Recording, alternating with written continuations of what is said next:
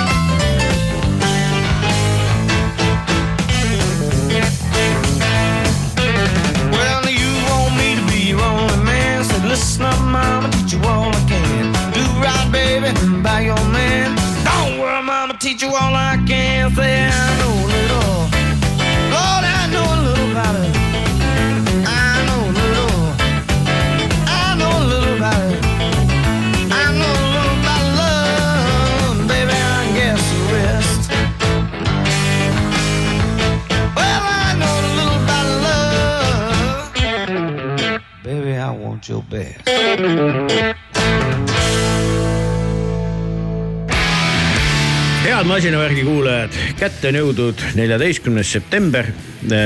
kõik, kes käivad tööl, käivad tööl, kõik, kes on ummikus, on ummikus, sõltumata isegi mm, sellest, kui sa ei ole ju Tallinna elanik, võib see ju vabalt juhtuda, sest millele ma viitan. Narvas käisin siin suvel kus saab nüüd eh, Rock FM-i kuulata sagedusel sada kolm koma üks ja ma nägin ka seal ummikuid kusjuures onju, olles seal mootorrattatripil. Viljandi elanikud eh, sa- saavad kindlasti ummikus olla, sest et eh, kohe, eh, et, et neil ju on, on ju seal ka palju autosid ja palju tegemist on ju. ja nii edasi, nii edasi, et need on siis uued eh, sagedused, eh, millele ma siin pean ikkagi tähelepanu pöörama. vabandust, Haapsalu on hoopis see uus koht, seal vist ei saa ummikuid olla, mul on sihuke tunne või saab või? ikka saab. pagan, tead, seal saab ummik olla siis, kui seal mõni hea sündmus toimub. täpselt, täpselt, aga neid ju vist praegu seal nagu tahtlikud, tahtlikud ummikud. ja, aga tänast saadet me alustasime ühe, tegelikult ühe olulise looga eh, selliselt eh, kultusansamblilt nagu Leinart Skynert, Lünürt, Skünürt, kuidas seda iganes keegi hääldab ja looks oli I know a little ja põhjus lihtne. selline mees nagu Steve Gaines, kes oli siis üks eh, selle bändi nii-öelda käilakujusid, kui kui see loodud sai. temal on täna sünniaastapäev ja kehv lugu oli see, et siis seitsmekümne seitsmendal aastal tema elutee ühe kopteriõnnetuse tagajärjel katkes ja see bänd ei olnud selles mõttes küll enam endine. aga jah, Steve Gaines andis kindlasti täiesti sõnu seletamatult suure panuse Ameerika, ütleme sellise americana ja, ja kõige, kõige, kõige selle käsitlusse oma eluajal, nii et jah. et siis tänane sünniaastapäeva laps Steve Gainsi lugu oli see, mis meie tänast saadet siis juhatas. aga mida me siis veel täna kuuleme?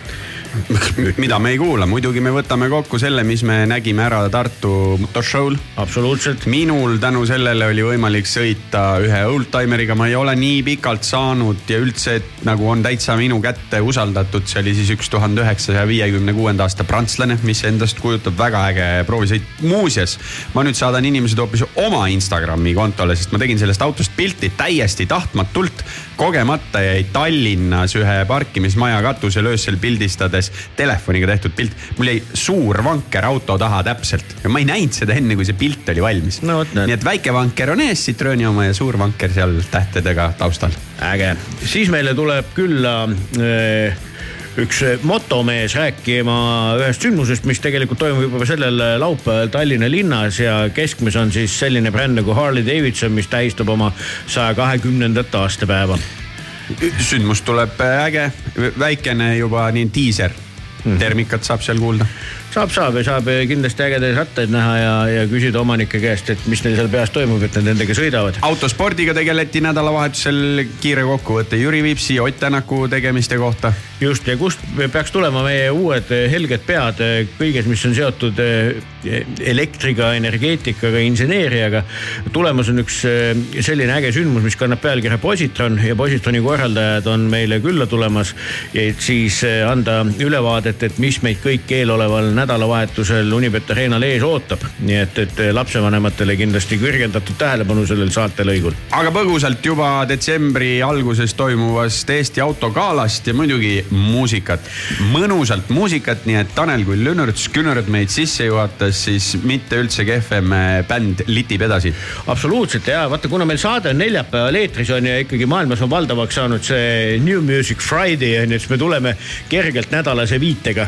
loomulikult on see selles jaamas juba ammuilma mängitud lugu, aga me ei saa sellest ümber, üle ega ümber vaadata. ehk siis kuuendal septembril leidis aset selline asi, et ilmus Rolling Stonesi uus lugu Angry, mis siis ähm, on väikseks maitseks nende ähm, oktoobris ilmuvast albumist, nii et, et äh, kuulamegi siis noh, tegelikult nende kohta võib ikka õigustatult öelda vanameistrite uut lugu. Äh, paljud on spekuleerinud sellel teemal, et kas selline bänd üleüldse peaks äh, salvestama. no come on, no mis jutt see on? selge see, et peab, et, et vitaalsed tegelased on ju. ja, ja, ja minu meelest see lugu kõlab väga ägedalt, nii et, et ootame, ootame meiegi seda albumit suure põnevusega, nii et Rolling Stonesi Angry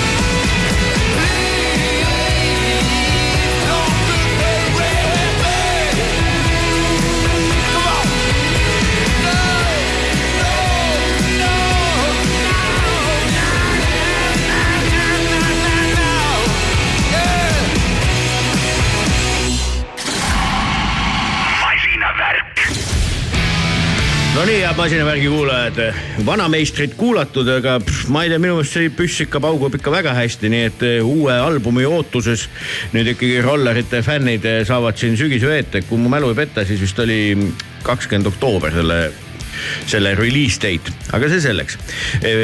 me mõlemad käisime Tartus, tõsi küll erinevatel aegadel, aga põhjus oli aga, sama. aga me katsimegi ära, vaata kõik päevad peaaegu, ma olin seal eelpäeval, siis reedel, sa olid laupäeval, kindlasti mõni tuttav käis pühapäeval. kindlasti käis mõni tuttav pühapäeval, jutt siis jäi millestki muust kui Tartu motoshow'st oli. oled sa üldse tähele pannud, nüüd see Tartu on sealt eest ära kaotatud. motoshow, aasta suurim tehnikamess, äkki niimoodi, nad on veidi mänginud nende asjadega. jah, see moto on pisut eksitav selles mõttes, et see moto ikkagi assotsieerub inimesel. mootorrattaga. pigem, on ju. aga samas oli ju ka kunagi meil see Motorex. no seda no, küll, tõsi. nii on, on nagu on, ühesõnaga no pidu oli vägev ju kui nii võib öelda, sest et tegelikult no vähemalt laupäeval, no mis on ka loogiline, siis kui mina sinna jõudsin, oli ikka roppu moodi palju rahvast palju-palju inimesi. reedel oli see, et ma tulin sealt poolest päevast ära ja ütleme, oli natuke nagu rohkem business to business päev, aga tegelikult oli üllatavalt palju inimesi. nii, aga ühesõnaga eh, üldmulje ju tegelikult pigem ju positiivne, et noh, rahva huvi on ju suur. et eh, noh, see laulurahva jutt on sihuke nagu mõnus mütoloogiline selline asi, mida on tore heietada, et eestlased on laulurahvas.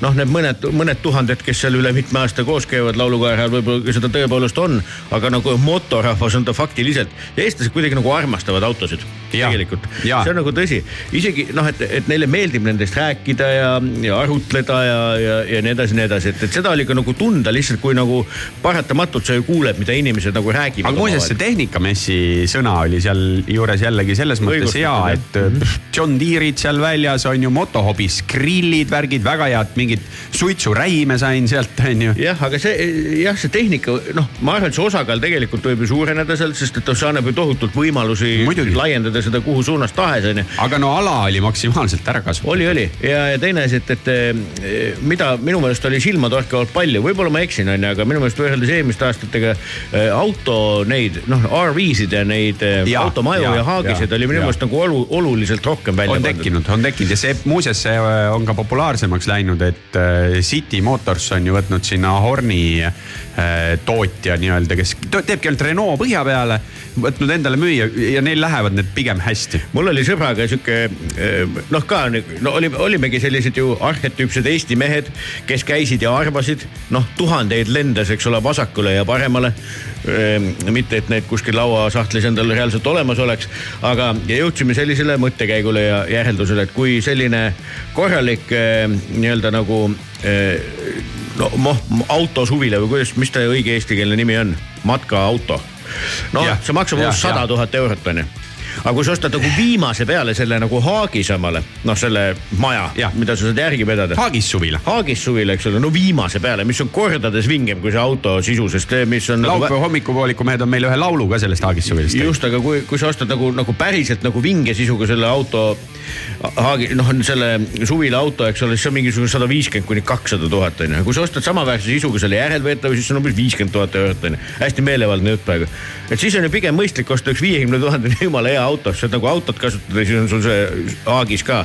ilma, et sul oleks mingi ainult ühefunktsionaalne, üüratult kallis mingisugune asi, millega sõita on nagunii ebamugav. ja tead, mõlemal asjal on nagu omad head ja vead päeva lõpuks. muidugi, see ongi suvaline jutt. aga, aga ei ole samas nii suvaline jutt, ma olen ka natukene seda meelt, sest et ma olen käinud ühe ja teisega ja mis mulle selle nii-öelda haagisega meeldib. sa selle haagise lähed, jätad sinna kämpari kuskile platsile mm. -hmm. ja siis autoga lähedki, liigud ringi teisega sa oled nii, et lähed kämpari platsile, maru imelik on keset mingit päeva ära käia ja tagasi tulla sealt teiste vahelt tukerdada. Noh. tõsi, tõsi. kuule, aga mis sinu nagu highlights'id olid, et mis sulle nagu. kalana. no of course, muidugi jah. okei okay,, see on tõesti nagu kroonijuveel on ju. nõus. mees on ise teinud väga nõus ja kindlasti vaatamist väärt, et eh, juba ainuüksi sellepärast tasus minna, ma arvan. aga tegelikult ma tooks välja, Hyundai tegi oma Kona hübriidile Baltikumi esmaesitluse ja siis ma käisin seda autot seal näppimas. Nad on mõnusa suure sammu oma Konaga edasi astunud, auto disain on nii, et kas meeldib või ei meeldi. elektriversioon tuleb natukene niisugune selles rohkem elektristiilis, nagu need ülejäänud joonikud on, onju. aga no sa saad sellises hinnaklassis auto, millest on suuremaks läinud mingi Hyundai'l on ka peal see asi, et puldi pealt saad parkimisest välja ja eh, sisse sõita, onju. aga no teine asi, mis ma pean rääkima, ega siis ise ju aitasin teha see Prantsuse autode paviljon see oli äge jah, aga tead niuke, mul oli ka mu noorem poeg kaasas, kes on sihuke kunstikooli mees onju, kes vaatab kuidagi mingi täiesti teise pilguga asju, et noh, pigem sellisest nagu täiesti ebapragmaatilisest eh, vaatevinklist onju ja ja tema nagu tõdemus oli see, millega ma pean ühtima, et ega autod niimoodi, kui sa paned nagu silmad kinni, teed lahti, on tegelikult üsna ühesugused. tänaseks on nagu kuidagi on, väga unifitseeritud, et sellist head disaini, noh, sa näed kuskil a la, ma ei tea, Maserati või Porsche, eks ole eh,, esindus, aga, aga tagasi tulles selle. tavatarbija nagu auto. jah, on, on täitsa nagu üks just, sama auto onju, et eh, jah, ja, ja eks ole, seal, seal esirinnas minu meelest, kui nii võib öelda, ongi tegelikult Hyundai ja Kiia, kes nagu on natukene nagu siukse trendsetteri rolli nagu võtnud. täitsa meelevaldne jutt jälle onju, aga, aga noh, kui tuleb nagu nende mudel, siis mingi aja pärast tuleb umbes samasugune mudel kellelgi veel onju, et, et aga see on sihuke täitsa sihuke meelevaldne, sihuke peas keerlev jutt, mis ei pretendeeri mingisugusele tõele, aga, aga nii on. kuule, aga teisest küljest jälle kui on nagu suurim, kas sina tead, mis on see põhjus, on ju, ja kui sa isegi päris põhjust tead, siis võib-olla seda ei saa nagu kõva häälega nagu öelda, on ju. aga miks, miks me ei näinud seal siukseid brände näiteks nagu, nagu BMW miks me ei näinud seal Audit, miks me ei näinud äh, Mercedes-Benzi? tead, kui nii palju, kui ma aru saan, siis Eestis on millegipärast selline komme, et äh, premium ei käi nendel asjadel äh, Porsche oli seekord sellel põhjusel, et nad on äh, lähiperspektiivis Tartusse esindust avamas mm, -hmm. käisid ennast natuke nagu Tartu inimestele näitamas. Maserati on lihtsalt uus asi Eesti turul, aga äh, tuleks üks müüt ära murda. Äh, tahetakse natuke sellist motoshow'le seda mingit maainimese templit külge panna et eh, kas see on müüt või see ei ole müüt? ei no see ei ole müüt, see on nagu okay. üks ja teine ja kolmas räägib, aga mina ütlen, et see hakkab jällegi sihuke meist endast, et ma ei tea, nõmedalt ütel, öeldes siis mindset'i küsimus, kui autofirma nii mõtlebki, siis, siis ongi nii okay,, aga miks okay, see okay., miks see maamees ei võiks sõita nagu Audi või Mercedesega Kule, vaadates, ja ka sõidavad. vaadates, mis autode kõrvale me oma auto parkisime, onju, no siis see ikka oli nagu muljetavaldav, onju, sest noh, esimene auto kohe, mille vastu vaatasid, et ust ära ei lööks, oli kohe üks F sada viiskümmend Raptor, mis ei ole maailma kõige odavam auto, onju. tead, mis mina tahan tegelikult selle kõige lõpetuseks öelda? Äh, asi oli tehtud, asi oli hästi tehtud. Äh, Prantsuse autodest me saame veel rääkida, sest tänu sellele mul oli võimalik selle viiekümne kuuenda aasta autoga sõita, me teeme sellest eraldi siin saates täna äh, juttu. Aga ma tahaks öelda ühe sellise asja, et kõik autofirma inimesed, kes mind kuulavad kasutage palun maksimaalselt oma sotsiaalmeedia väljundeid ära, sest ma käisin nii mõnedki läbi sellel ajal, kui mess toimus null postitust, sa oled maksnud pinna eest, sa oled tagunud sinna raha, sa oled mingisuguseid väljapanekuid sinna moodustad, sa paned autot proovi sõita ja sa oled endale teisest kohast suure raha eest teinud jälgijaskonna, aga sa neile seda infot ei anna. tuleb nõustuda, sest et eh, seal tekib ka see vastuolu, et eh, kui sa vaatad neid eh, taustaekraane ja bännereid ja asju, et noh, mingi future with us ja mingi kõik on innovatsioon ja nii edasi ja siis sa ei suuda tõesti niisugust nagu tänapäevast meediumit nagu enda kasuks tööle panna. ma pean ühe asja veel siia lõppu ütlema, väga toreda, et seal oli üks, ma kahjuks ei tea, mis ta nimi on, onju, aga üks Honda müügimees onju kes tšekkis mu kaugelt tähe juba sisse tulles, onju. sisuliselt astus mulle ette niimoodi. noh, kuule, on vist aeg jälle ikka Honda peale mõtlema hakata. lihtsalt taustaks, et mul on olnud Hondasid elus umbes kümme, need äh, neli tükki nendest CRV-d järjest, need põlvkonnad onju. ja siis äh, nüüd on üks vahele jäänud ja nüüd on siis uus onju. ja siis küll ta nagu seletas mulle, kui äge see on, ma ütlesin, kuule, kulla sõber, et ega see auto nagu väga palju sellest üle-üle-eelmisest nagu muutunud ei ole. noh, olgem ausad, onju ja aga, aga seal on väga palju põhimõttelisi, sa saad teda pistikusse panna. no ja, ja. tehnoloogilised uuendused. no tõsi jah, aga, aga kas ka selle raha eest on ju, seda kõike vaja on, see selleks. aga ühesõnaga ma nagu kaifin niisuguseid venni, kes tegelikult teevad oma tööd hästi. minu jaoks võõras inimene, ma ei tunne teda aga, aga ta teab, kellel on olnud, ta on nagu kursis, onju. et see on au ja kiitus tegelikult, et, et, et nagu äge, et noh, diiliks ei läinud, onju ja aga, aga see jäi nagu meelde, e, positiivne kliendikogemus ja nii edasi, nii edasi onju. ja ta ei olnud ka selles mõttes nagu pealetükkiv, et oleks mul hõlmas kinni hoidnud kuidagi nagu kuskile Tuneesia turul, eks ole, et noh, et Only for you, my friend on ju nii viisteist minutit järjest on ju, aga tegelikult oli äge. nii et e, kuulame siia lõppu vastuoksa Backstreet, e, meil on see soo, soovõrdsus, nüüd tuleb Backstreet Girls, sihuke bänd, Backstreet Boysi vastane ja lugu on Smoke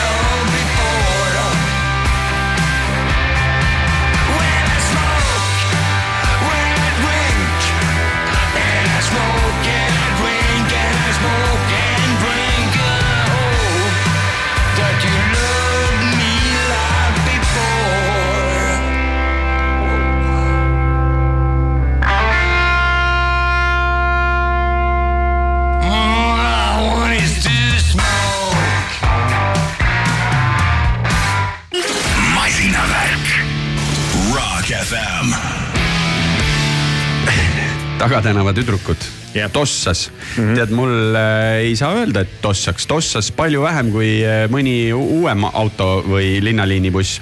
tänu sellele samale eelmises plokis mainitud Prantsuse autode paviljonile, muuseas ütleks ka kõikidele inimestele, otsige üles masinavärgi Youtube'i kanal.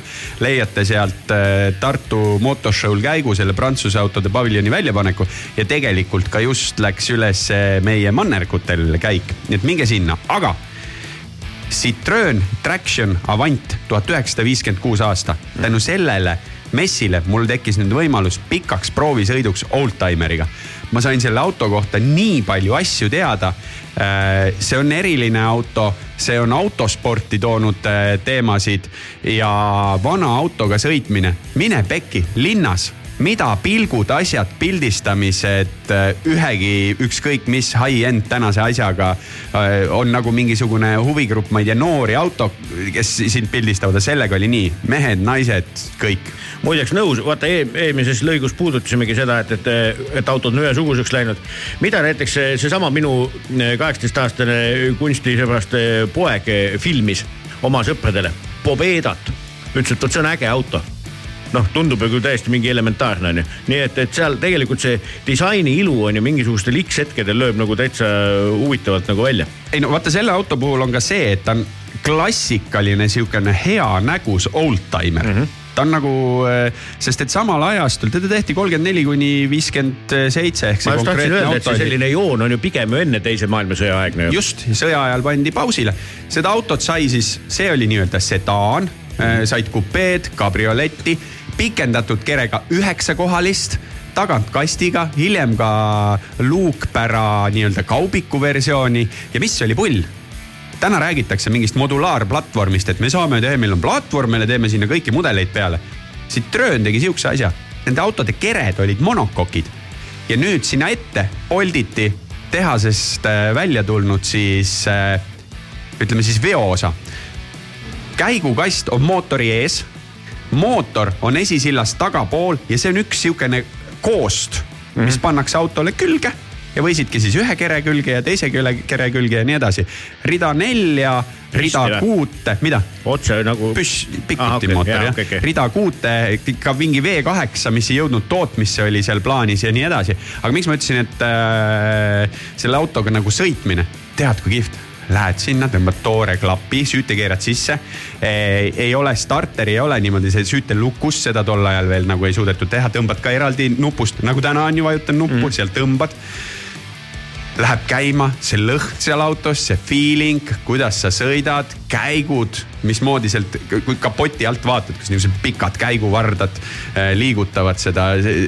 ja, ja, ja kõik töötab, kõik toimib ja kuna see sellest tead mõneti, see on nüüd vägivaldne ja mind lüüakse risti ka selle pulli eest, aga natuke nagu keskmootoriga auto oleks, sellepärast et mootor on sillast tagapool, raskuskese on hästi seal auto keskel ta on stabiilne, ta on juhitav, ma sõitsin saja kümne alast saja kümnega. ja, ja rehvid on ju kitsad, jumala stabiilne. Ja tänu sellele, et nad tegid sellise lahenduse, ta oli tunduvalt, ta oli mingi tuhat midagi kilogrammi tühimassiga. ta oli kergem kui tolleaegsed autod, ehk ta oli üks esimesi autosid eh, nii-öelda masstootmises, millega suudeti mõnusalt ja mugavalt sõita sada kilti tunnis ja teistpidi ta võttis sihuke kuni kümme liitrit sajale kütust, mis oli ka nagu enneolematu tolle aja mõistes. see on ikka väga vähe, aga kas, kas ei ole ennast sihukesed mõtted nagu tabanud, et vaata, kui öö, see oli viiekümne kuuenda aasta auto, mis tegelikult oli välja mõeldud noh, kolmekümnendate alguses, kolmekümnendate algus jah, et vaata, et. mingi kaheksasada tuhat tehti just, et kui seda teist maailmasõda poleks nagu vahele tulnud, vaata ameeriklastel oli see edu, et nad said suht-koht rahus nagu tegelikult edasi arendada autosid. aga kui mõelda nüüd omakorda, miks see Prantsuse paviljon oli ka nagu äge onju, kui sa mõtled juba noh, kui see oli viiekümne kuuenda aasta auto, eks ole. aga kui sa mõtled näiteks seitsmekümnendate Citroenide peale onju, no see oli täielik ju ulmefilm juba selleks ajaks onju. aga sellele samale autole tekitati ka sihukene asi, et viimases lõpus nad tulid välja oma selle eh, pneumohüdraulilise vedrustusega ehk mis DS-i peal oli mm. -hmm. see oli juba olemas, aga okay. ma, ma siia lõppu räägiks ära, et mis on seos äh, Traction Avandil ja autospordil see inimene mees nagu John Cooper, kelle nime me seostame Miniga. Miniga mm. -hmm. tal oli oma vormelimeeskond äh, ja viiekümne kaheksandal, üheksandal aastal Jack Brabham tuli maailmameistriks ja koos Bruce McLareniga, neil oli keegi kolmas seal võistkonnas veel, nad võtsid ka konstruktorite karika mis tegi John Cooper, otsis, et kust ma saaksin Transaxel käigukasti ja sobis seesama Traction Avandi prantslaste Transaxel käigukast, mis siis on oli kerge, oli vastupidav ja sakslaste oma ei sobinud. taaskord, kui kellelgi vähegi on huvi erinevate näiteks kasvõi käigukastide või igasuguste eh, ülekandelahenduste vastu, siis seesama see enne mitmel korral mainitud see Haagi eh, automuuseum on just. täpselt see koht, kus need kõik on välja toodud. ajastute kaupa, kellel on lähi, väga nihuke terav huvi, siis neid saab seal täitsa niimoodi oma silmaga näha. kuule, aga Mussi, vahepeal kuulame uut mussi pealkiri ei haaku meie teemadega isegi kuskilt otsast natukene, lihtsalt lugu on äge. Bad Bitch Supreme ja esitajaks Fit for Rivals ja GRL Wood, mingi sihuke tegelane, kellest ma tõesti midagi ei tea, aga lugu on ikkagi uhikas. hakkame kuulama. hakkame kuulama.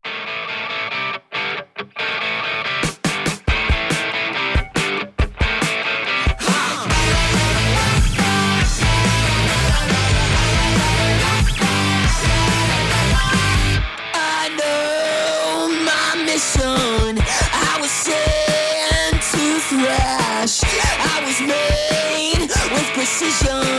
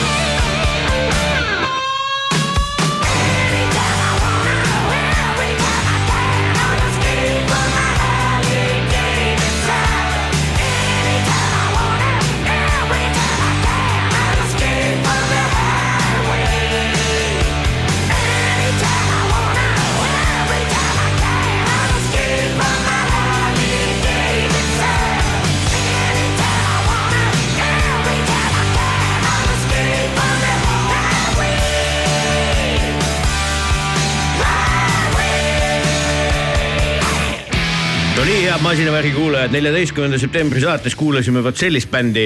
ma ei tea, kas see on enne olnud siin ka, mille nimi on ABCD. mitte segi ajada ühe teise väga sarnase nimega bändiga ja lugu oli Harley Davidson ja põhjusega. auto, autobaan CD või?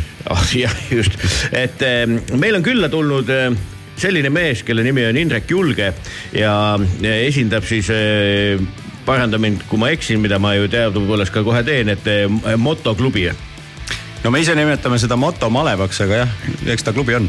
mis vahe on maleval ja klubil no motoklubisid on hästi palju, me mõtlesime, et me kuidagi erineme siis ja nihuke Eesti värk ka natuke, et oleme motomalev, et äh, mäletate sellest Malemaa filmist, et. et eh, kõik asjad ei läinud nii, nagu algselt plaaniti või No mäletame nendes selle klubides filmi juhtub ka asju. okei, kui siin on juba nii palju küsimusi, et ühesõnaga see motomalev ühendab siis teatud nagu brändilojaalseid tegelasi, ma saan aru või?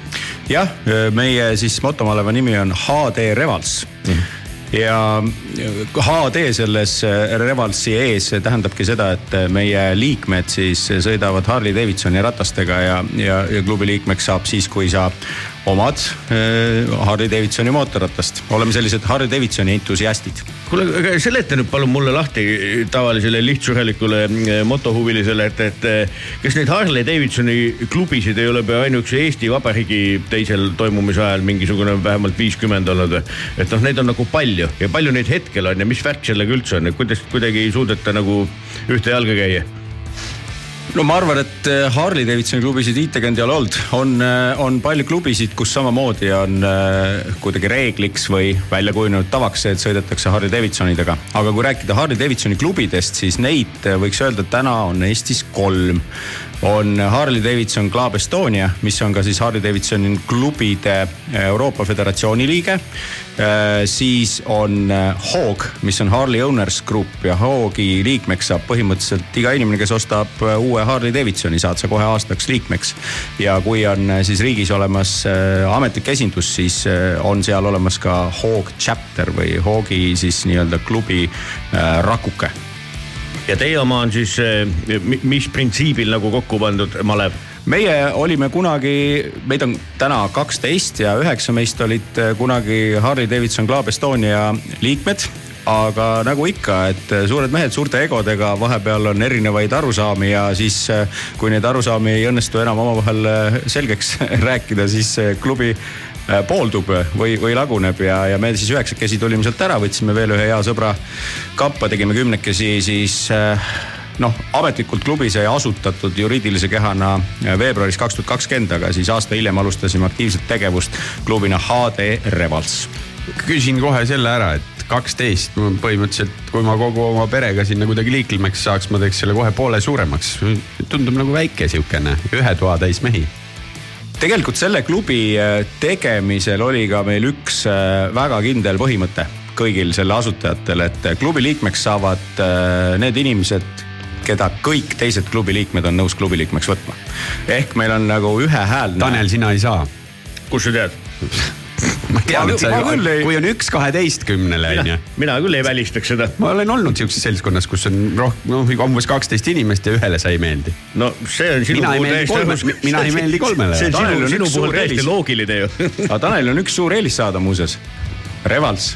ja ei no näed, ma lähen, ma lähen oma kapitaliga ta. on äh,, lisaväärtus. Ma võtan need küpsised kaasa. ei, see, see ei aga muuseas Revalsi nimega äh, üks asi veel, et kunagi oli Eesti esimene MC, mis noh, ütleme klubimaailmas on siis need MC-d on siis natukene rohkem reguleeritumad klubid, oma, oma reeglite järgi reguleeritavamad. ja Eesti esimene MC oligi tegelikult Revals Estonia. Ja ja siis- samasuguse tegelikult märgiga ka ja, ja kui me siis tulime sellest Harley Davidson Club Estoniast ära, siis me mõtlesime, et, et tegelikult oleks lahe see esimene Eesti tõsine mootorrattaklubi nagu taaselustada. me natukene aga- disainisime seda ringi, aga põhimõtteliselt on ta nagu selle mitte õigusjärglane, aga traditsioonide edasiviija. aga täitsa ajaloohuviline küsimus, et millal see esimene oli, et mis, mis ajast me räägime? ma räägin ikkagi taas Aa, okei, okei. taas Et iseseisvunud et Eestist, olnud mingi- et ja eks ta seal üheksakümnendate alguses tuli. esimene pätsuaegne motogäng ei olnud. okei, kuule, aga eh, täna oled sa tulnud ju veel ühe päris olulise põhjusega, et, et see teie armastatud bränd eh, tähistab ju juubelit ja selle puhul teil on ju mingid juubelipidustused ka tulemas. vastab tõele, et Harley Davidson äh, siis sellel aastal sai saja kahekümne aastaseks. muidugi see, kust hakatakse lugema Harley Davidsoni kui ettevõtte algust on ka päris huvitav, et oleme seda natuke uurinud, et eh, tuhat üheksasada kolm aastal tegelikult saadi siis valmis esimene Harley Davidsoni mootorratas, model number one aga tegelikult äh, William Harley ja, ja äh, siis äh, Arthur Davidson hakkasid Davidsonide garaažis putitama juba kuuris tegelikult isegi, hakkasid putitama paar aastat vanem, varem ja, ja valmis said siis esimese tsikli moodi asjanduse tuhat üheksasada kolm ja sellest siis loetakse seda, seda aastat loetakse Harley Davidsoni alguseks. nüüd, miks meie teeme selle ürituse kuueteistkümnendal septembril, sest tuhat üheksasada seitse, seitsmeteistkümnendal septembril registreeriti aktsiaselts Harley Davidson. okei okay. Selleks ajaks oli sellega liitunud veel kolm Davidsoni, et äh, Walter, William äh, lisaks Arturile ja olid nad siis neljakesi. kas sellest mitte ei oleks mängufilm ka tehtud, kui ma mälu ei peta või? ja, on. peaks mõtlen, olema, kas see on äkki Netflixis või kuskil on ta ja, näha. ja peaks olema täitsa niimoodi seda kronoloogiat nagu mm. -hmm. nii-öelda järgiv onju. aga tsiklimehena küsin sult, Tanel, mis sa arvad, mitu hobujõudu sellel Model One'il oli? tead, kui sa niimoodi küsid, siis neid ei saanud väga palju olla tolle ajale kohaselt onju. et ma arvan, et hobujõud oli seal mingi mõni. kolm. No just, et eh, need ei hiilanud, mis. kas ma võin nüüd Harley Davidsoni meest parandada? kolm kilovatti, neli hobujõudu. ahaa, no näed. kolm, kolm hobujõudu. No me. olen internetis okay. olen internetis no vot see. seda no, ühte ei tu-, no ütleme okei okay,, kui ta on kakskümmend viis protsenti võimsusest, siis sa tunned, aga. no kui päriselt hobused, kui päriselt hobused siia tuppa panna nagu nii-öelda laivis. kolm või neli, siis on ikka siis suur siis on suur meil on siin kolme mehegagi hapniku küsimused. kuule, aga tagasi tulles nüüd ikkagi selle kuueteistkümnenda eh, septembri sünnipäeva või selle pidupäeva juurde. et eh, kus see aset leiab ja mis seal toimub ja miks, miks, kas, kas sinna peavad tulema siis, eh, on kohustatud tulema need, kes ei ole nendes ülejäänud kahes klubis, et siis kõik ülejäänud peaks tulema, kellel on Harley Davidson või? või need on kõik oodatud kõik? esimese asjana tahakski kohe rõhutatult seda öelda, et kõik on oodatud viimne üks inimene, isegi kui, kui tsiklit ei ole. absoluutselt, kui ei, kui ei ole tsiklit või on muu marki tsikkel, pidu on kõigile. lihtsalt põhjus, miks me selle peo teeme, on see, et Harley Davidson äh, sellel aastal sada kakskümmend aastat vanaks sai. aga pidu on kõigile, kes, kellele meeldib rokkmuusika, kelle, keda huvitab selline tsiklivärk ja elustiil. jumala eest, kõik on teretulnud, mingeid piiranguid ei seata. kuhu tulema peab, millal ja kes rokib? kes tahavad ennem tsiklitega ka väikse tiiru teha, ma vaatasin ilma lubab päris head, kakskümmend kraadi vihma ei tule. et võib hakata siis Harley Davidsoni esinduse juurde Punasel tänaval kogunema juba alates kella kolmest päeval noh, saab võib-olla väikse kohvi, pood on lahti, saja kahekümnenda juubeli kaubad müügis ja sealt siis kella viiest äh, tuleme mootorratastega kõik koos äh, Tammsaare pargi paviljoni juurde. see on seal Estonia vastas see uus koht, mille all on ööklubi Vatikan ja üleval on kaks restorani ja terrass. ja seal hakkame siis põhimõtteliselt kohe pihta, kui sinna jõuame, et äh, aga noh, ütleme, oleme ise öelnud, et kuuest äh, alustame seal. Andres Uibo äh, mängib rokki, üleval esineb meil äh, Rau-, Laura Prits äh, äh, koos siis tantsutüdrukutega ja Andres Uiboga ja õhtu peaesineja on äh, kõigi tsiklimeeste lemmik Terminaator. tohoh, ja kuule, kõik lahtrid on ära linnutatud. on, on, on kuule, aga väga no, lahe. Terminaatorist ju ka mootorratturit, et Jass ise sõidab Harley Davidsoniga ja ma saan aru, et kõige uuem mitte, mitte, et ta ei ka. sõidaks BMW-ga muidugi enamus ajast, aga hea küll. ei no sa ise tead, et parem kui üks mootorratas on kaks mootorratast. tõsi, tõsi ja muidugi Rene Puurha, kes on ju meile oma seiklustes käinud rääkimas, on ju ka kõva motomehest, rääkimata tegelikult nagu päris motomees, kes on ikkagi Roland Puusepp seal no jõukus okei okay,, jah, roll on vast kõige rohkem kilomeetreid läbi. okei okay., kuule, aga igal juhul, et kõik on oodatud, et kuskile eh, mingi viie paiku siis juba võiks sättida sinna Tammsaare parki ja seal kindlasti läheb siis selle seitsmeteistkümnendani välja, millal see õige pidupäev on. just, et äh, viiest, ma arvan, me jõuame sinna selle mootorratturite kolonniga viie-kuue paiku ja niisugune viie-kuue vahel on juba paras aeg hakata kogunema, et äh, kõigest osa saada. Ja pidu käib terves majas. kas te kuidagi nagu aladimensioneerinud ei ole seda, et, et, et vaadates seda maja tohutut populaarsust kasvõi ainuüksi sellel bändil ja sündmusel kokku, et tundub, et see koht jääb väga väikseks. No meil on tegelikult kogu maja, et äh, mõlemad äh, siis restoranid, kohvikud, mis seal otstes on, üleval terrass ja all klubi. ma arvan, et äh, mahutame ära no tore. kuule, ma pean ühe asja, enne kui me siin eh, kokku tõmbame selle üleskutse siin ikkagi ära klaarima sinuga, et, et, et eh, mõni- mõningate aastate tagusest ajast mulle meenub üks sinu lause, sul on muidugi seal veel kaasa eh, kiiteid sellele, et, et eh, väide, et enduro pimedus on ju, millega te siis kostitasite neid mehi, kes erinevalt teist, kes te sõitsite siis nende Harley Chopperitega, sõitsid selliste normaalsete matkarätastega on ju. nüüd, kui ma ikkagi nagu vaatan sotsiaalmeedia vahendusel, et, et Indrek julged sõitmas Harley Davidson Pan Ameerikaga, mis on ikkagi pigem selline normaalne matkarätas, et kuhu see enduro pimeduse jutt nüüd niimoodi kadus? ma pean äh, ikkagi ära klaarima, enduro pimeduse mõiste tõi mängu üks äh, tuntud äh, trummar, kes on tuttav teistele Kotka Ahah. hüüdnime all, et äh, aga jah, eks äh, aeg muutub, inimene saab vanemaks, tahab mugavamat äh, ratast, ratast, millega igal pool saab sõita ja no ütleme, ei saa salata, et vähe rolli ei mänginud selle otsuse juures ka see, et Harley Davidson ka neid rattaid tegema hakkas.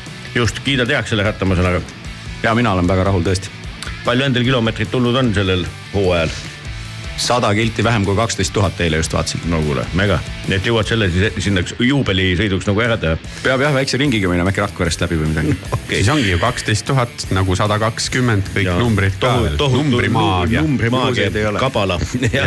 Okei, kuule äh, suur-suur tänu tulemast ja igal juhul edu Orgunnis veel nii palju, kui neid päevi siin jäänud on.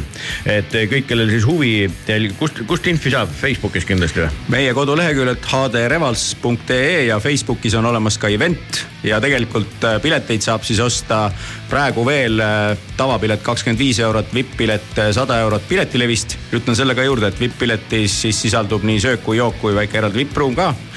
Ja koha peal on pilet siis vipp endiselt sada, tavapilet kolmkümmend, et äh, pile, infot saab Piletilevist, meie Facebooki ürituselt ja ka HD Revals.ee väga lahe, kuulamise lõppu muidugi täiesti sobivad bänd- eh, bändi, kes kannab nimi, nime Karboraatorid. Carburetors ja Burnout on siis loo pealkiri, nii et eh, tõmbame siis selle Harli sünnipäeva jutu sellise mõnusa Burnoutiga kokku, aitäh tulemast. aitäh.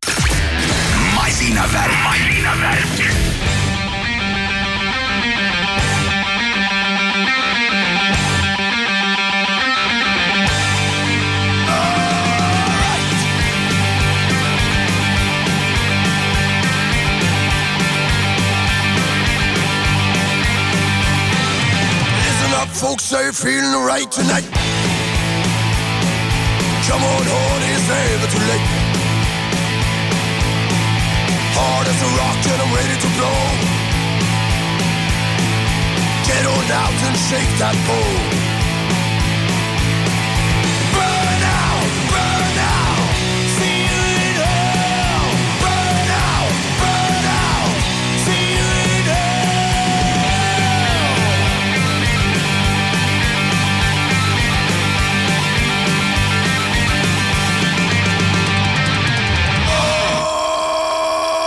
Shaking like an earthquake. Call me man, call me bird. You can call me anything you like. Loosen your seatbelt, get down on your knees. I can't wait for you to beg me, please.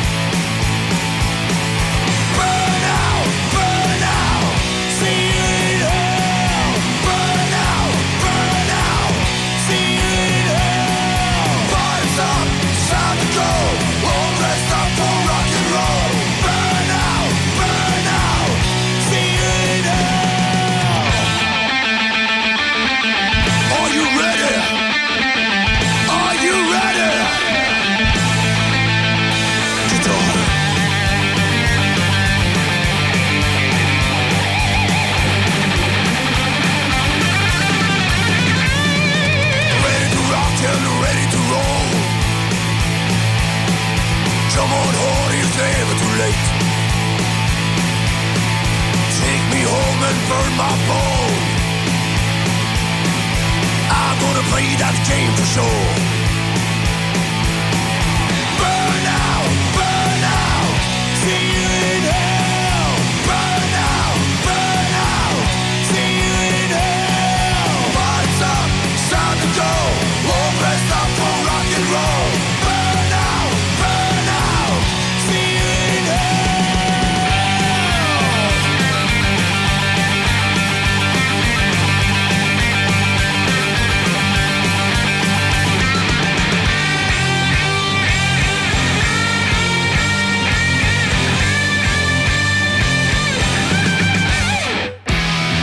nii, Burnout kuulatud, kuule, aga sina kui tohutu huviga jälgija eh, kõiki võimalikke motosündmusi on ju, olid kindlasti nina vastu televiisorit ja vaatasid, kuidas läks Jüri Vipsil, kuidas seal Burnoutiga Jüri oli?, äh, esiteks uskumatu, kuidas mees oli lühikese ajaga suutis äh, selle autoga paremini sõbraks saada, sest et äh, kiirus ja no võtame nii, et see oli Laguna Seca ringrada, milles on selline kurv, mida nimetatakse corkscrew'ks S-kurv mäest alla, sul põhimõtteliselt kõrguste vahe on mingisugune, ma ei tea, üheksakordse maja oma äh, Porsche kapi autod ja ka mõned indimasinad tulevad sealt niimoodi, et hüppega kõik neli ratast on õhus, kui see nagu suurel kiirusel võtta. Indi vähem, aga no Porsche kapis konkreetselt ringraja autol on niisugune nagu hüpe, sest see tropp on nii suur. vaatasin ka seda, sest see on eraldi tegelikult Youtube'is mingite lõikudena Jaa. välja toodud just nimelt see kurv on ju. just ja Jüri pani väga südikat äh, sõitu ja ajasõit oli just see, mis nagu super hästi õnnestus, sellepärast et ta on, ajasõit on jaotatud plokkideks ja saad edasi nagu järgmisesse ringi aegadega ja Jüri- Jüril jäi milligramm puudu, et ta oleks pääsenud siis sellesse Firestone'i Fast Six'i muuseas, miks ma ütlesin Firestone Fast Six, Ameerikas on kõik, fucking kõik on ära bränditud, kogu aeg öeldakse, et see ringrada, selle nimeline ülekannet toetab see Firestone Fast Six, Bitlane, Shell, no mida iganes, onju kogu aeg see brändimine hüpetel, kurvidel on, kõik on nimed, on ju, kõik on rahaks pööratud. aga Jüril oli vabatrennis mootori probleem, mootor tuli välja vahetada, see tõstis teda stardirivis siis seitsmendalt kohalt. Ma ei mäleta, mingid mõned mõned kohad, kas vii pluss viis või midagi sellist tahapoole. toome nüüd ühe teise võrdluse, Rally Estonial läks Otil mootor ja ralli käis, sportralli oli käinud, aga kat- äh,, testikatsel pluss kümme minutit, mõttetu sa oled kohe täiesti out, eks ole. teises kohas tõstetakse sind viis kohta tahapoole mm.. FIA peaks oma reeglitele otsa vaatama, Ameerikas mängitakse show peale mm -hmm. ja ma arvan, et täna autosport peaks olema rohkem show peale. ja rääkides nüüd show'st, jällegi Ameerika, jällegi IndyCar äh,. esimeses kurvis põhimõtteliselt äh, Jüri sattus avariisse, talle sõideti sisse väljas äh, tiimiomaniku poeg Graham Rehal sattus sinnasamasse avariisse, kõigepealt tahtis minna vipsi sõimama, onju, et Ruuki siin keeras käki kokku, pärast vabandas, sai aru, et see polnud Jüri süü, onju. aga mida tehakse? Et punktid kätte saada, IndyCaris pannakse auto äh, remonti, kui teda on võimalik remontida, Jüri autot remonditi kakskümmend neli ringi. ja lõpuks tegelikult Jüri sai sealt võistluselt kuus punkti kätte, mis veel tiimi kokkuvõte. ühesõnaga, et auto pandi rajale tagasi. Just, just, ja seda tehakse. ma vaatasin kokkuvõtet sellest ja ma tegelikult ei saanud sellest aru, sest see on nagu nii tavatu. tegelikult kui oled ikka mingisugust noh, F1-te näiteks vaadanud eluaeg on ju, siis see kõik on täiesti nagu mingi sest F1 jaapani keel on ju. F1 punktisüsteem ei äh, toeta seda, aga kogu selle kõigega see, see, see kombineeritud ja asjaga ja point on selles, järjekordselt ju sa oled ju omal ka noh, mitte, see on üks asi selles nii-öelda vorst selles võileivas on ju seal kuskil juustu vahel, et äh, sa oled jällegi oma sponsorile ju müünud ka mingeid äh, nähtavust, Nähtavust, kõik viiakse rajale tagasi. väga õige.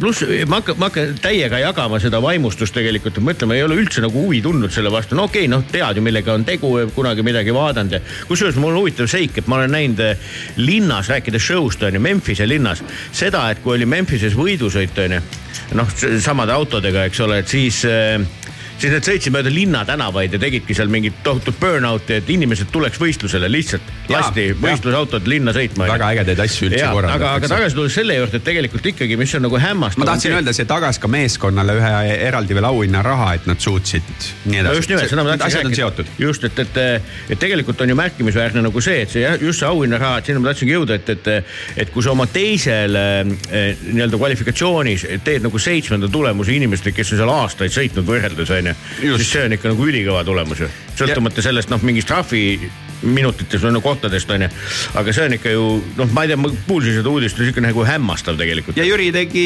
hooaja peale kaks sõitu, kokku kolmkümmend seitse meest siin äh, punkte said. ja Jüri on kolmekümne kolmas selle kahe sõiduga, nii et äh, teine lühib terve hooaja ja saab sama palju punkte. Ma ei tea, kuidas, vaata mõned Jaa. teevadki mingeid üksikuid sõite ja nii edasi, aga noh, on ka siukseid mehi, kes on tunduvalt rohkem sõitnud, aga kas on mingisugust eh, teadmist ka selles suhtes, noh, ma ei Ei. usu, et see mingi avalik on, aga noh, mis edasi saab, onju Ei, ei. üldse jah. ei, ei, aga kiirelt tulles siis käies üle ka Kreeka ralli, mis oli samamoodi, kõik hakkas sellega, et äh, kirjutamise ajal oli meeletud vihmad, kuumus ja põlengud asendusid vihmaga. Ilm läks paremaks, saadi asjadega hakkama, jällegi meie mehel seal äh, veepumpordil sai otsa, sai mingid trahviminutid. kogu see hullus lõppes niimoodi, et Ott Tänak oli lõpuks äh, neljas, sest et noh, Neville suutis esikohalt ära käkkida ja, ja järjekordselt õnnesärk Kalle Rovandpera. esimene, kõige kiirem seal punktikatsel ja nii edasi. ei ole midagi teha, ta on tugev. Ott kindlasti oleks talle vastane, sest ta võttis ka katsevõite seal, aga no vaatame, mis siin nagu see järgmine aasta toob, sellest ei ole ka praegu veel midagi rohkem rääkida. Nonii, kuulame siia lõppu, tervitame ikkagi veel sünnipäevalapsi, et meil üks alguses oli, aga täna muideks on, on sünniaastapäev ka Amy Winehouse'il No muideks näe. et aga kellelt me kuulame kohe ka ühte lugu, on selline mees nagu Paul Kossoff kes on üks eh, legendaarne kitarrist, kahjuks seitsmekümne kuuendal aastal meie hulgast juba lahkunud, aga, aga tänasel päeval sündinud. kas sina tead sihukest lugu nagu All Right Now? No kes ei teaks, vot tema on see mees, kes Jah. Free, Freeze mängis kõik need Aa., kõik need legendaarsed kidra äh, riffid, soolod ja nii edasi, et, et Paul Kossoffil on siis jah, täna, täna sünniaastapäev, et viiekümnenda aasta mees, et ja kuulamegi ühte tema äh, osalusel loodud Free lugu, mis kannab nime Steeler, võib-olla mitte kõige tuntum Free lugu, aga, aga siit ta tuleb. masinavärk,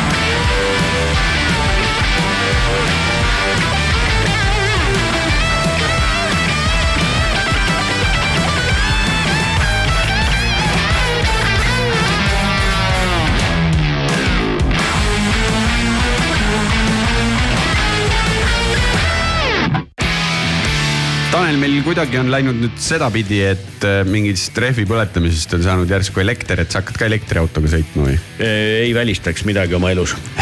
et eh, muidugi kunagi kunagi ei saa öelda kunagi, onju. aga kuulasime just isegi elektriteemalist lugu ju. tähendab, õigemini bändi nimi oli elektriteemal, Electric Boys täiesti geniaalne nimi, huvitav, kes selle peale tuli, aga ühesõnaga When life treats you funky oli selle loo pealkiri aga elektriteemalise bändi me olime valinud sellel põhjusel, et me kohe hakkamegi elektriteemadel rääkima äh, detailselt ja väga üldiselt, sest meile on külla tulnud Brenda ja Jüri ja põhjusega, sest juba eeloleval nädalal äh, toimub Unibet Arenal Eestis esimest korda selline sündmus, mis kannab nime Positron. Ja Positron koondab siis äh, elektri, energeetika, inseneeria ja kõiki muid selliseid teemasid mis võiks pakkuda huvi nendele inimestele ennekõike, kes ei tea veel, millega oma tulevikku siduda. tere tulemast, Brenda ja Jüri ja küsin siis esimese küsimuse kohe Jüri käest, et kust selline mõte üldse tuli? Mõte sai alguse aastal kaks tuhat kakskümmend, kui ma sattusin tööle elektrivaldkonda ja siis ma avastasin, et äh, selle maailma sees on äh, tegelikult äh, peaaegu sama suur maailm, mida keegi väljastpoolt ei ole näinud. ja et elektrivaldkond on väga suur, äge ja perspektiivikas ja, ja teiselt poolt tuli siis vastu et, Eesti Elektritööde Ettevõtjate Liidu soov tegeleda siis noortele inimestele elektri ärivaldkonna tutvustamisega ja nii need kaks asja kokku said ja, ja nii see Positron meil sünnibki. Positron iseenesest on ju, tegemist on siis millega, meile ütleb kohe e, e, noor elektrik kaks tuhat kakskümmend kolm Brenda, et e, kõigepealt ütle üldse, et, et mida sa õpid ja siis ütle, mis asi on Positron mina tegelikult ei ole üldse elektrik, ma olen energeetik. ma juba enne ka tegin sulle märkuse selle nimel, aga eh, mina õpin TalTechis elektroenergeetika ja mehhatroonika eriala. olen siis eh, kolmanda aastase, aasta bakalaureuse tudeng ja üritan siis see aasta ka lõpetada. ja hetkel lisaks sellele tegelen siis ka positroniga ja võib-olla ka töötan ka Eleringis ja lisaks äh, sellele siis äh, kui küsida, et kus see positron võib-olla, miks peaks positronile tulema, siis oot, oot, oot, oot, enne ikka korrigeerime, et mis see positron üleüldse on? nagu positron nagu sõna. positron kui sõna. praegu on sihuke Kahooti küsimus sulle. positron kui sõna, positron on äh,, tead, see on väga hea küsimus äh. ja ma isegi ei oska sulle sellele vastata, positiivselt laetud elektron, mis kutsub inimesi kokku. jah jah, põhimõtteliselt jah. no vot näed, okei okay., kuule, aga äh, siis äh, sellenimeline sündmus, et mis meil aset leiab, et mida, mida me seal sinu kureerimisel kuulda-näha saame? Positronil äh, saate tulla töötubadesse ja saate kuulata erinevaid konverentse ja seminare ja siis äh, välku-pauku näha. töö, töötubades on võimalik käed külge panna, siis äh, päriselt ise teha asju. et äh, positron ei ole sihuke tavaline messi formaadis äh, äh, show või sihuke mess, vaid pigem me ikkagi üritame tuua välja midagi täiesti uut, teha täiesti teistmoodi. Ja nii, et äh, noortel oleks seal lõbus, sest et enamasti tänapäeva noored ei viitsi kuulata võib-olla pikki loenguid ja see ei ole eriti atraktiivne. Ja me tahame tegelikult näidata positroniga seda, et äh, millised äh, kuidas seda kõike päriselt füüsiliselt teha saab, et kätega kokku panna näiteks sidrunipatareid, päriselt äh, näha päikeseautot ja kõike nagu ise näha, ise kogeda, et need on äh, väga head äh, asjad võib-olla, mida kaasa võtta ka hiljem. ja lisaks siis ka meil teadusshow'd Need on korraldatud siis Kvargi ja ka Eesti Energia Keskus, avastuskeskuse poole pealt. Et äh, need kõik on võib-olla kogemist väärt ja kindlasti ka meil konverentsid ja seminarid, mis on siis äh, lühe, lühiformaadis siuksed äh, viisteist kuni kakskümmend viis minutit ja need on ka küll erialased, aga tegelikult kõiki võib-olla hästi huvitavad ja ei ole üldse midagi süvitsi, et midagi kartma ei pea Jüri, sa mainisid seda, et äh, lapsed võiks selle asjaga äh, seotud olla või neile peaks seda tutvustama. mina kü- küsin kohe väga praktilise küsimuse. mul on sihuke kohe üheksa aastaseks saav äh, tütar kodus ja siis mul on kolmteist ja neliteist vanuses poisid. mul on nendega mõistlik sinna tulla kõigiga kindlasti, et, et no programmi ja, ja, ja kogu seda sisu tehes oleme sihiks võtnud äh, noored alates neljateistkümnendast eluaastast. aga noh, ega seal kolmeteist ja neljateist vahel see, see piir on selline nagu noh, eks ju nagu, nagu kogemuse põhjal teame, suhteliselt nagu hägus.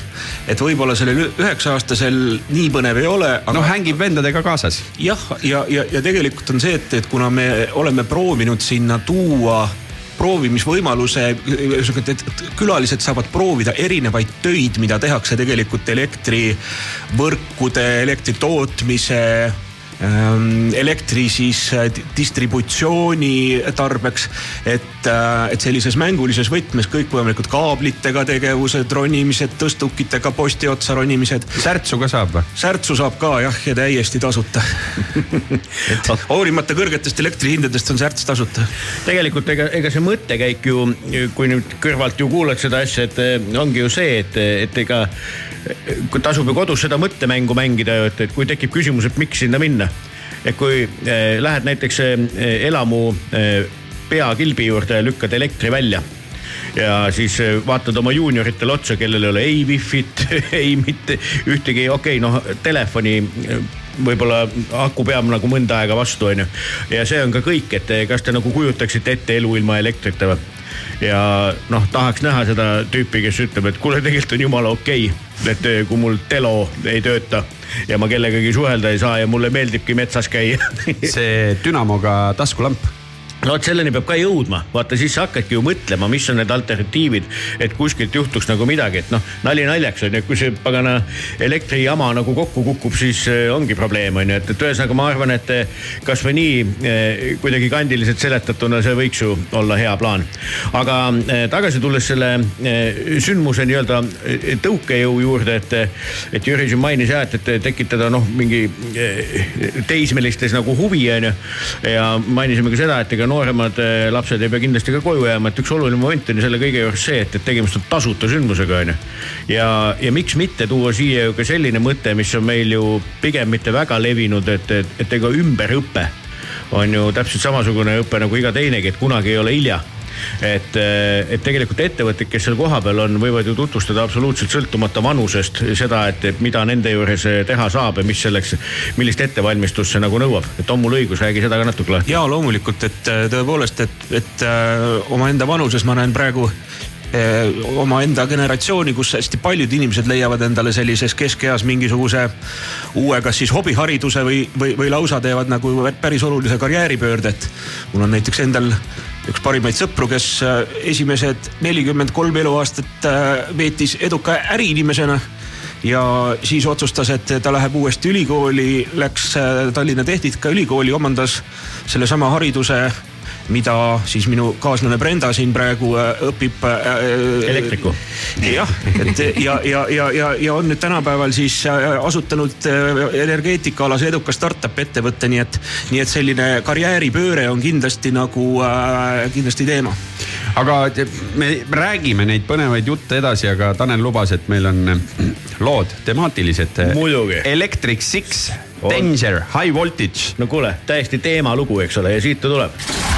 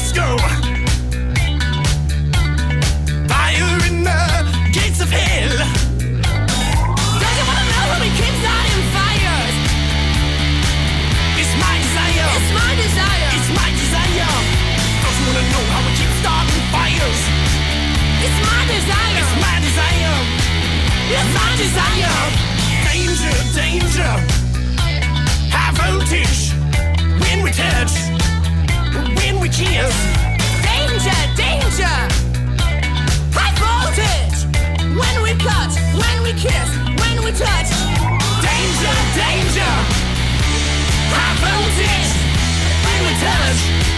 And when we kiss. Danger, danger. High voltage. Oh, when we touch. When we kiss, When we touch. when we kiss.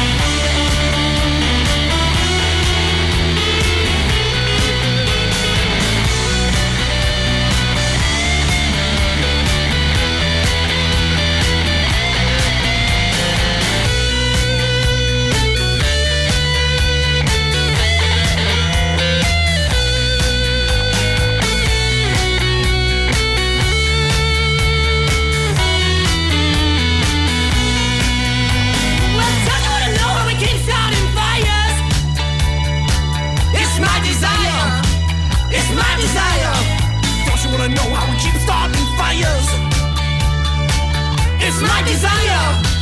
It's my desire. Danger, danger. High voltage. When we touch. When we kiss. Danger, danger. It's high voltage. When we touch. When we kiss. When we touch. Danger, danger.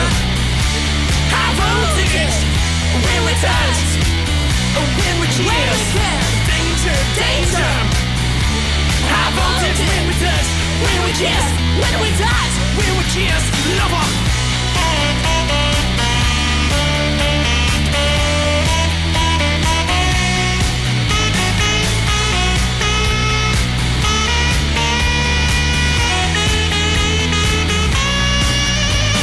Fire in the disco, fire in the disco, fire in the Taco Bell.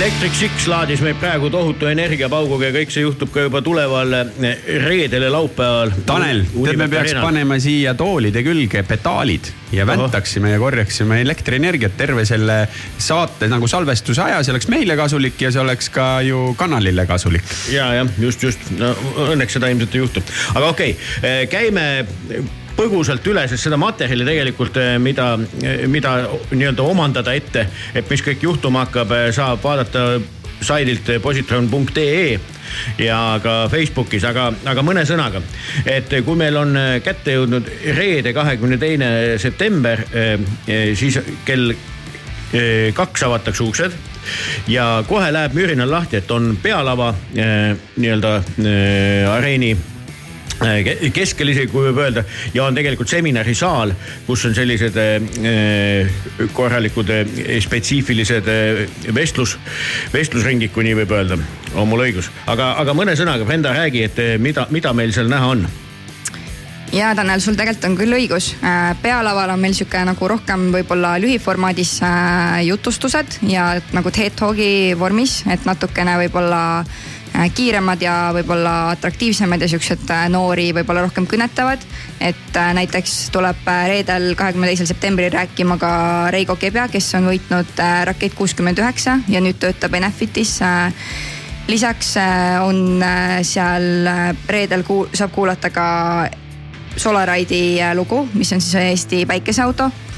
Seminarisaaris on äh, reedel põhifookus siis äh, energiatootmisviisidele, et äh, võimalik on kuulata kõik erinevad energiatootmisviisid äh, ükshaaval läbi ja siis lõpus äh, õhtu lõpetab siis äh, äh, nende suur arutelu, et kuidas need energiatootmisviisid siis üksteist toetavad ja miks, miks neid kõiki meil vaja on. ja muidugi ei saa unustada, et reedel lõpetab meil äh, muidugi Liis Lemsalu, elektrist laetud ja mõnest muust asjast ka jah Jah,, muidugi. positronidest punnis. jah, et eh, annab, peate kiirustama, et sellepärast, et ega neid kontserte mõneks ajaks ei pruugi tulla enam kuigi palju, nii et eh, tulge elage kaasa oma lemmikule, tasuta jälle rõhutan. aga kui ma siin nüüd näpuga kiirelt kokku lugesin, siis on eh, selles esimeses päevas neliteist asja, mida kogeda.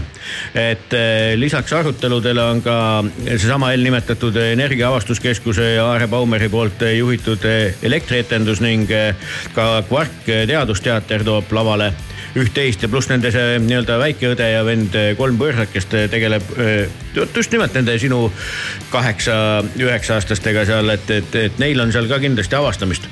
aga siis on kätte jõudnud meile laupäeva hommik, et pudru söödud, trolli peale hüpatud ja, ja mida me siis näeme mina nägin kohe, et seminarisaalis saab hakata krüptot kaevandama. ja seminarisaalis saab ka üllatus-üllatus kuulata ka ühte Raiko Ausmehe poolt juhitud eh, paneeli, kus meil eh, siis ikkagi, kuidas ma siis ütlen, transpordikorüfeed või, väga üldiselt. võib nii öelda ju. Arno Sillat ja Maarja Kadastik räägivad seda, et millega me üleüldse tulevikus sõitma hakkame peale jalgratta. Sa ei, sa ei tahtnud ju jalgratast, kuidas? sa ei taht jalgratast. mina võin igast asju tahta, aga elul on omad plaanid. okei, hästi, aga läheme selle laupäevase Räägime pealava ka, juurde ka jaa.. laupäeval avame uksed kell kümme ja alustame tegelikult juba suht kiiresti ja kohe esimesena tuleb siis peale meil Gert Pääbo ja räägib, kuidas tema noorelt on juba väga kõrgele jõudnud ja, ja kuidas sinna üldse päriselt jõuda, et võib-olla noortele natuke eeskuju tekitada lisaks äh, oleme kohale lennutanud otse Londonist Martin Pankratovi, kes äh, räägib äh, McLarenist ja tema tööst seal. Ja muidugi ka tuleb meile rääkima ka Kätlin Tiigi, kes on PERHis radioloogia osakonna juhataja, et räägib natuke, kuidas siis tegelikult ka energeetika käib kokku selle radioloogia teemaga, et kuidas, võib-olla ei tulegi teil ka pähe, et äh, kuidas võib-olla radioloogia ja energeetika on seotud, onju ja seminarisaalis siis saab kuulda nii elektriautodest kui ka äh, jaotusvõrgust ja paindlikust energiajuhtimusest. Ja lisaks võib-olla ka ootab meid äh, mõni üllatus äh, Andreas Meltsi poolt mõlemal päeval. Ja õhtu lõpetab meil äh, laupäeval Villem Trillem ja kõikide, ma näen siin ühte väga toredat üleskutset, et kõik, kes praegu kuulavad seda saadet, saate ka osaleda. ikkagi Eesti on ikkagi rekordirahvas, nagu väike, väikerahvale kohane, tuleb rekordiüritus Eesti suurimas Kahoodis mõlemal päeval ja et eh, Kahoot on siis eh, mis noh. Mälumänguplatvorm. just nimelt, aga raske arvata, mis teemal küsimused võiks olla. Ja ma arvan, et te juba kõik olete aru saanud, et teema küsimused on kindlasti. Jalgrattast. ja kindlasti paneme jalgratta küsimuse ka sisse just sinu jaoks, et sa vaata saad vastata seal kindlasti. aga tegelikult on elektrienergeetika meil ikkagi põhifookus ja lubame ka, et võitjale on välja pandud vägev auhind. mis see vägev auhind on? no jääb saladuseks, aga eh, lubad, et on vägev? on vägev ja okei okay,, kuule Raiko, me peame ka vist osalema minema. niimoodi oleme, oleme seal niimoodi eristume sellest seltskonnast. Tanel, vaata. Seal ei ole vanusepiirangut. ei ole, aga Kahoodis käib äh, lisapunktide saamine ka kiiruse peale. no aga mis eh, siis meie kui tuntud võidusõiduvõistkond on, meil on ju reaktsioonid korras ju. ei või? ma ei tea, mul küll on. okei okay,, see selleks, arvad? ma arvangi, ma elangi mingis kujuteldavas maailmas. okei okay,, kuule, kas eh, Jüri ja Brenda, kas meil jäi midagi olulist praegu märkimata? kus toimub? Unibet Arenal. Millal toimub? nii, ütle siis kõik see üle. reede ja laupäev, kahekümne teine ja kahekümne kolmas september. tasuta. tasuta, aga hea oleks eh, ikkagi omale see nullpilet ette ära võtta, eks ole. ja piletitaskust saab, saab endale broneerida pileti ja siis juba kohapeal sissepääsemine lihtne ja kiire. Piiks-piiks ja oledki platsil. üks noh, see natuke vist regullib seda ka, et meil seal mingisugune kümme tuhat inimest ei tahaks posti otsa ronida samal ajal ja särtsu saada. jah, et, et, et tõepoolest, et, et on küll tegemist suurhalliga, aga ka suurhallil on omad piirid, et, et, et, et kõik eestlased sinna ära ei mahu. ühesõnaga platsitäis tegevusi. platsitäis tegevusi jah, enam kui kolmkümmend ettevõtet on, on meil siis seal nagu partneritena kaasas, kes siis omaenda tegevusi eh, tutvustavad, näitavad ja, ja, ja lasevad tegelikult ka hästi palju järgi proovida ja katsuda. ma pean küsima, mõnda elektriautot ka näeb? näeb hästi, ma ei, ma ei küsi. mida näeb, kas seda pooleks lõigatud autot ka näeb, kus on näha, kuidas elektriauto töötab? ja on näha, on näha see pooleks eh, lõigatud eh, auto ka, mis, kus on näha, kus, mis karu kõhus peidus on ja ühesõnaga eh, põnevad kaks päeva on meid ees ootamas. ja, ja autode koha pealt ütlen, et on näha ka vesinikuautot. ohoh, kuule, kas eesmärk on siis varjamatult see, et, et kahe päeva lõpptulemusena me saame elektrialale juurde minimaalselt viis tuhat inimest või? no tegelikult on äh, lõppeesmärk see, et, et, et, et vähemalt viis tuhat noort inimest saaksid aru, et elektrienergeetika valdkonnas on äge töötada selle peale on mõistlik oma, oma karjääri ehitada, seepärast et see on töö, mis ei lõppe inimese eluajal kunagi ära. pigem tuleb seal uusi väljakutseid kogu aeg juurde. ja, ja et siis see noor inimene, et kui ta ühel hetkel peab tegema mingisuguseid hariduslikke valikuid, noh näiteks pärast põhikooli või pärast gümnaasiumit. et, et siis tal oleks eel, eelteadmine olemas, et ka elektrivaldkond on olemas ja et, et, et selle poole võiks vaadata. seda, seda sa arvad ja oletad, aga meil on see ikkagi noor elektrik kohe käepärast võtta, et eh, küsin su käest, et eh, sinu elatud eh, pööraste ja sisu tohutult palju toimunud asjade jooksul, et kas on nii, et elektrivaldkond on väga põnev, lõputu ja soovitud kõigile? kodus vahetad lambipirni ise? tead, ma ei olegi väga ammu pidanud lambipirni vahetama, leedid aga kestavad ju sama kaua, kui inimene elab ju. täpselt nii, et ma jah, ma arvan, et ma ei mäleta, millal viimati lambipirni pidin vahetama aga kodus. saaks hakkama saaks hakkama kindlasti ja, aga ma arvan, et äh, elektrienergeetika maailm on hästi ootamatu, et äh, mina ei oodanud, et ma sellisesse maailma satun, kindlasti mitte. ja ma ikkagi soovitan kõigil äh, väga tõsiselt kaaluda seda valdkonda. tore. kakskümmend kaks, kakskümmend kolm september Unibet Arenal, tasuta sündmus, positron, aga pilet, null pilet. ja isad-emad, null põhjust öelda, et ei, me ei lähe. nädala sees muidugi on kõvasti tegemist, saate tööd teha ja olla tublid ja asjalikud, onju, aga laupäeval ikkagi lapsed käe kõrvale ja padavai Unibetile. mida nüüd kuulame? kuule, nüüd kuuleme, nüüd kuulame sihukest lugu, et eh, loodame, et meid lahti ei lasta siit eh, raadiost onju. me kuulame tehnoversiooni ühest eh, Maggie Reilly loost, mille on siis äh, siin raadios võib niimoodi öelda, kellel on ikkagi, võiks öelda, et kotid taha pannud Electric Callboy. julm versioon Every time we touch on ju ja peale seda kuulame ainult normaalset muusikat, ma luban, aga see on ekstreemselt äh, elektrifitseeritud õudne lugu I still hear your voice when sleep next to me. I still feel your touch in my dream. Forgive me my weakness, but I don't know why. Without you, it's hard to survive. Cause every time we touch, I get the same.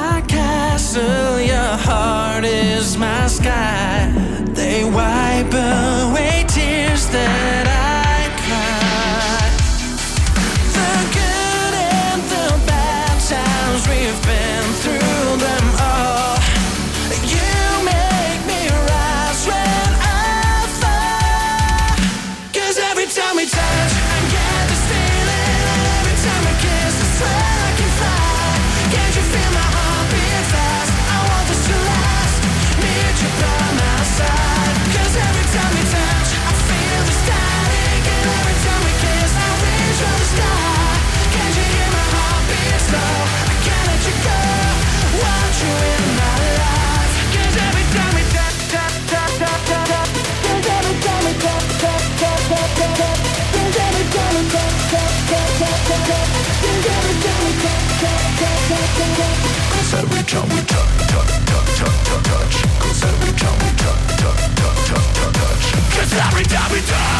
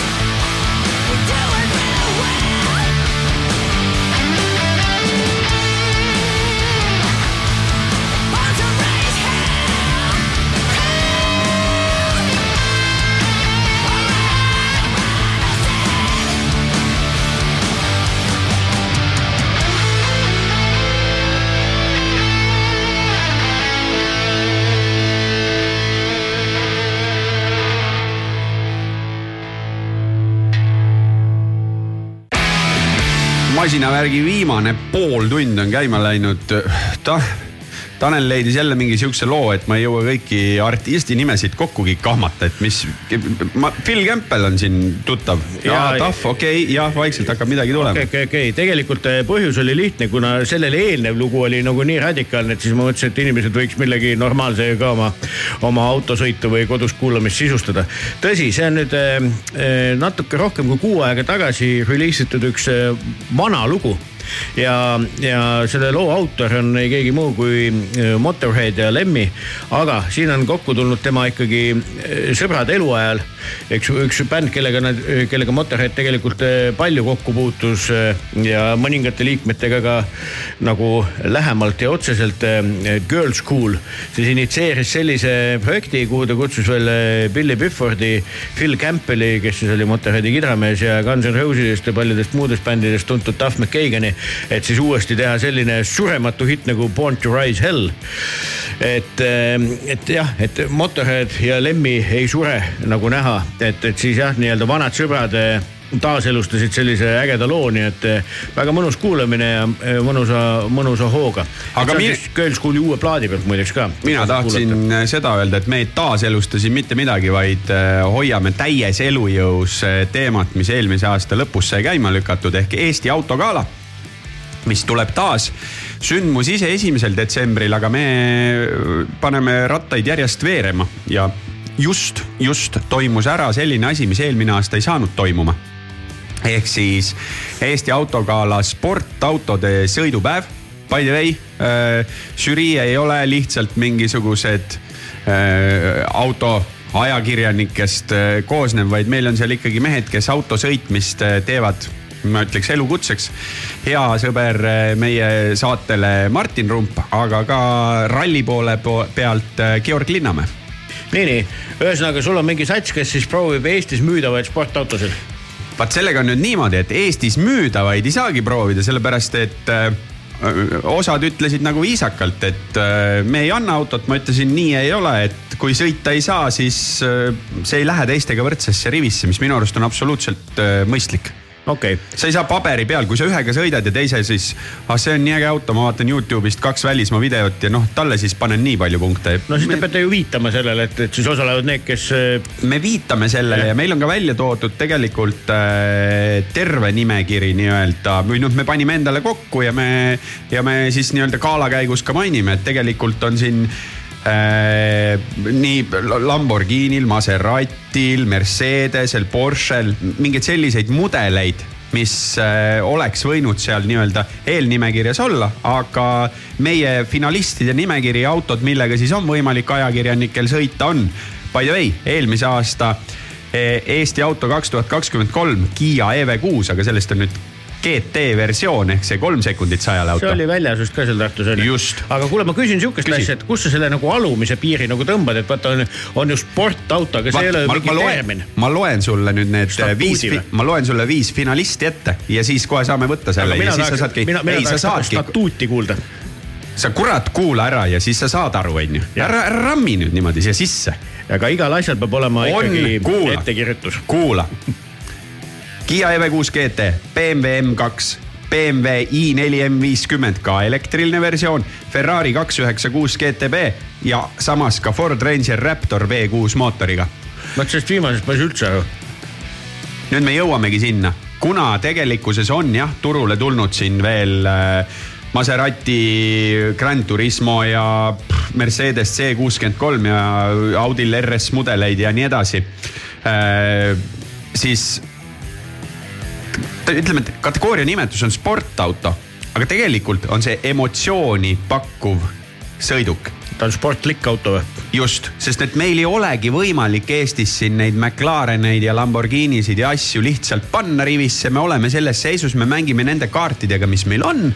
ja Ford Ranger Raptor läheb sinna täpselt sellepärast, palju neid veemootoriga autosid enam üldse on mm.. ja ta kirgastab seda värvi aga ühtegi Porsche't ei olnud seal näiteks või? Porsche't ei ole, sest et üheksa, üksteist GT3 RS, Cayman GT4 RS, üheksa, üksteist Dakar, neid on, ei ole samamoodi, sõita ei saa, Porsche eelmine aasta võitis. eelmine aasta meil ei olnud võimalik sõita mm. -hmm. nii et nii on. saame sõita ja siis saame ka hinnata need, millega sõita ei saa, kuidas sa hindad? ei no ei saagi jah ei lihtsalt minu küsimus tegelikult oli see, et ikkagi jah, et, et, et kus see piir nagu läheb, onju, et noh, see on siis emotsiooni piir, asi selge onju. just. et ta ei ole mingisugusele, et peab olema nii võimas või Ja peab kiirendama tohib ainult olla ja mida iganes. kiirendama mingi teatud eh, sekunditega, et osaleks ja nii edasi, onju et eh, nojah, selge see, et kuulad seda rivi, et ega seal mingit keskpärast autot ju ilmselgelt ei ole, onju. täpselt, ma ütlen, et isegi see Kiia EV6 eriversioon on kolm sekundit sajali auto on ju. Mhm. aga ega siis äh, sportautod pole ainukene asi, tuleb uuesti muidugi ka põhikategooria, Eesti auto kaks tuhat kakskümmend kolm, sinna on sihukene neljakümnene eelrivi. siis on roheauto, mis saab käima lükatud oktoobri alguses, sest äh, Alexela on avamas oma uut suurt äh, tanklat Täkupoissi Pärnu lähedal mm. -hmm. ühildame selle nii-öelda autodega sõitmise siis selle tankla avamisega.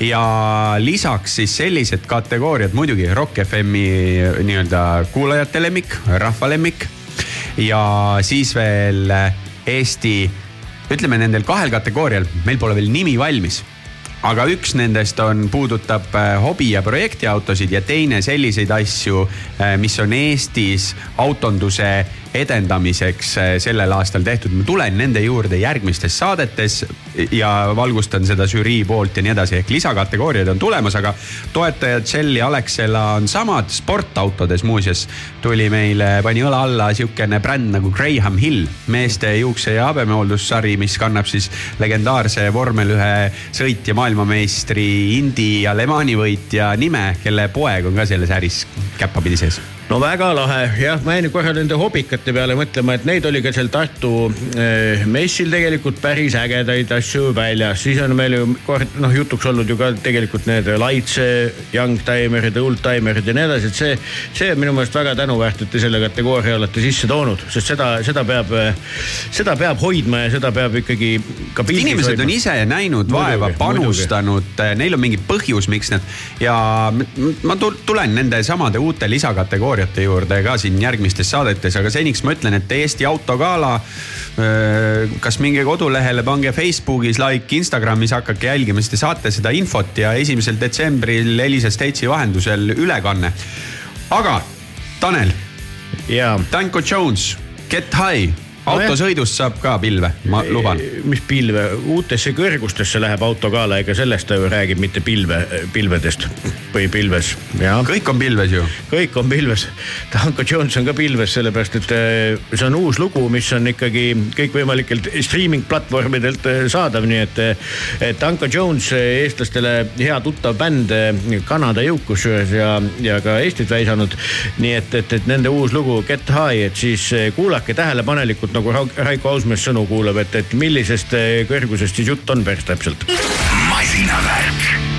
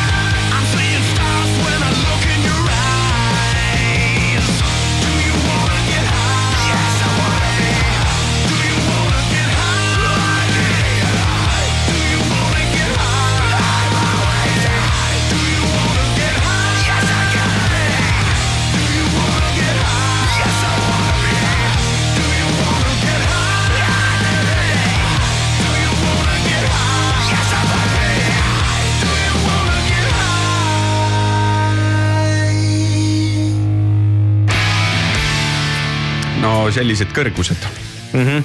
hea lugu nagu Sergei Pupka, too, keegi ei mäletagi enam siukest mäletab. mees, kes paneb ikkagi äh, maha aetud lati käega tagasi. mm. -hmm. seda enam ei tee keegi, seda ei tohtinud muidugi teha ka, aga ta sai sellega hakkama. jah, aga mitte sellest ei tahtnud me rääkida, vaid me võtame oma saate kokku. et eh, minu meelest oli väga, väga mõnus tegemine jälle selles mõttes, et kui ikkagi säravad eh, inimesed käivad meil rääkimas, mis kõik eh, juhtuma saab ja on juba juhtunud, seda on alati tore kuulata. et ja see on nagu lahe, et, et nagu ikkagi toimub vaatamata sellele, et võib-olla eh, ilmad ei ole enam nii toredad ja kuidagi igasugused eh, rutiinid suruvad peale, et. et on siiski nagu entusiastlikke tüüpe, kes on pikka aega töötanud selle nimel, et meil kõigil oleks tore olla, millest me just kuulsime ka. ja et see on ka tore, et sa seda auto asja ikkagi jälle nagu ajad, kuule, kas see teine ka toimub, et see sinu põhikonkurent?